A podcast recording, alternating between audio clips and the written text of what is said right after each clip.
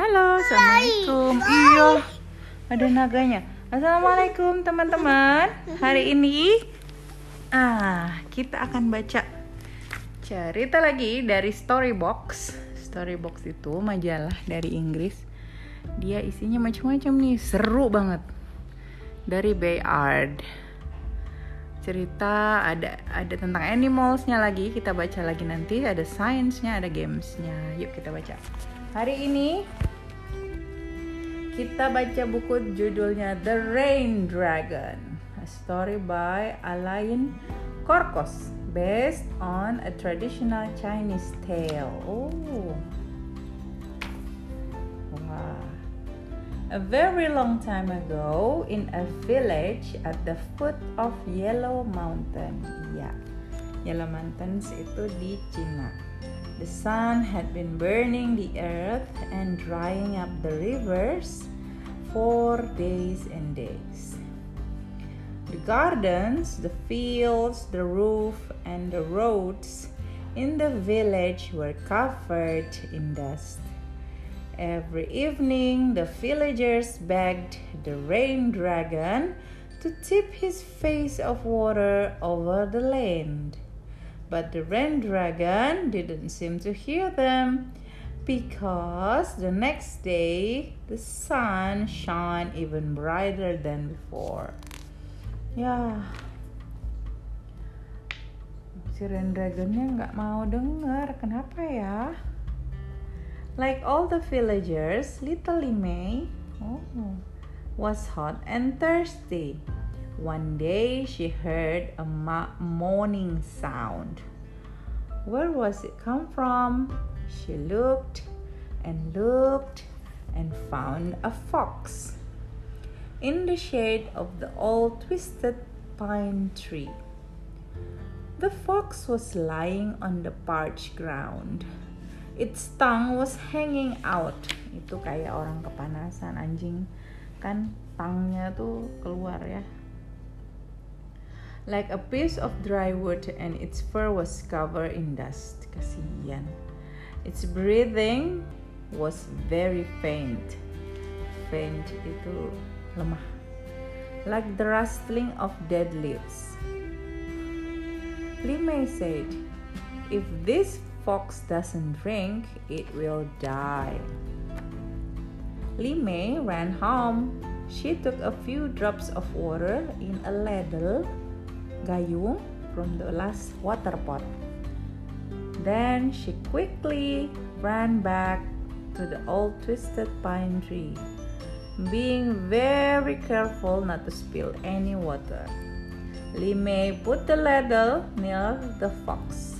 The fox lapped up the water with his tongue. Then he got up and ran away. Jadi dia minum terus habis itu dia lari. Rrr, gitu. When Limei got home, her family no more water to drink.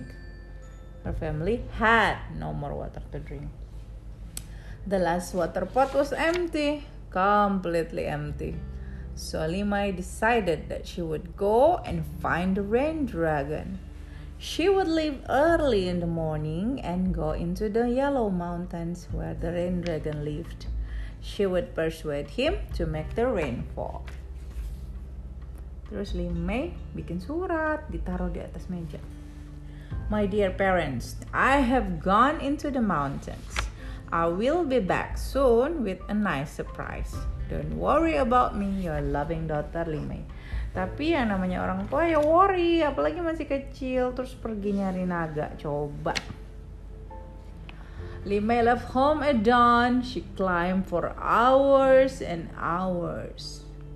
The cloud was cool and cheered her up. Further on, she came across a cave. Was this where the dragon lived? Aduh, Amalia salah nih bacanya, soalnya panjang nih bukunya. Ulang ya. Li Mei left home at dawn. She climbed for hours and hours. At the top of the mountain, she walked through a cloud. Oh, karena sudah tinggi, jadi ada awannya. The cloud was cool and cheered her up. Further on, she came across a cave. Was this where the dragon lived? She went inside and called, Rain Dragon, are you there? But there was no answer. Li Mei didn't give up. She called again. Rain Dragon, where are you hiding? Suddenly, she heard the sound of hooves. It wasn't the dragon, it was a winged horse carrying the rain dragon's water vase on its back. Li Mei climbed onto the horseback and they flew off into the sky. She tipped the vase and drop of water fell out. Just one drop. Would that be enough to water the whole valley? Li Mei tipped the vase over a bit more and two drops fell out.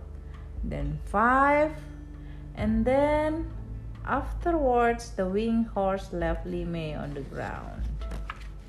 Hmm. Soon, terrible things began to happen. The river overflowed. Raging water flooded roads, farms, and fields and swept the animals away. Li Mei climbed into a boat to try and get home to her parents. She cried, Oh, Rain Dragon, you who control the water, save me, save my parents and all the villagers. I beg you.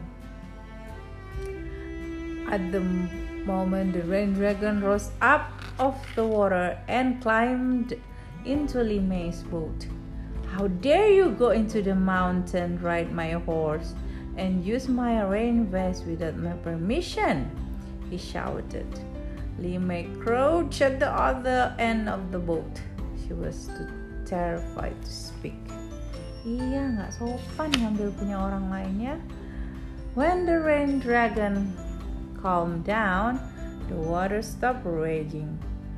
Then the dragon said in a gentler voice, Yesterday you saved a fox by giving him some water. That, that fox was me. I would have died on thirst if you hadn't taken pity on me. The dragon went on, Although you use my rain vest without my permission, I shall save the village to reward you for being brave and good. Hmm. The rain dragon spun around and round and then disappeared off into the distance. The water level in the river soon went back to normal, and Li Mei was able to get back to her village safely. She found her parents, who had climbed to the top of the old twisted pine tree for safety. Since then, the villagers have respected the dragon as a symbol of life and power. Since then, they have also respected foxes because in every fox there could be a dragon hiding. Who knows? The end. Wow. Iya, Li Mei itu brave banget ya, walaupun dia nggak boleh ngambil barang orang tanpa permisi. Ya, kalian juga harus minta izin. Ya, walaupun kalian brave. Oke, okay. ceritanya bagus ya. Nih, kayak hujan-hujan kayak gini nih ya. Oke, terima kasih sudah mendengarkan. Bye.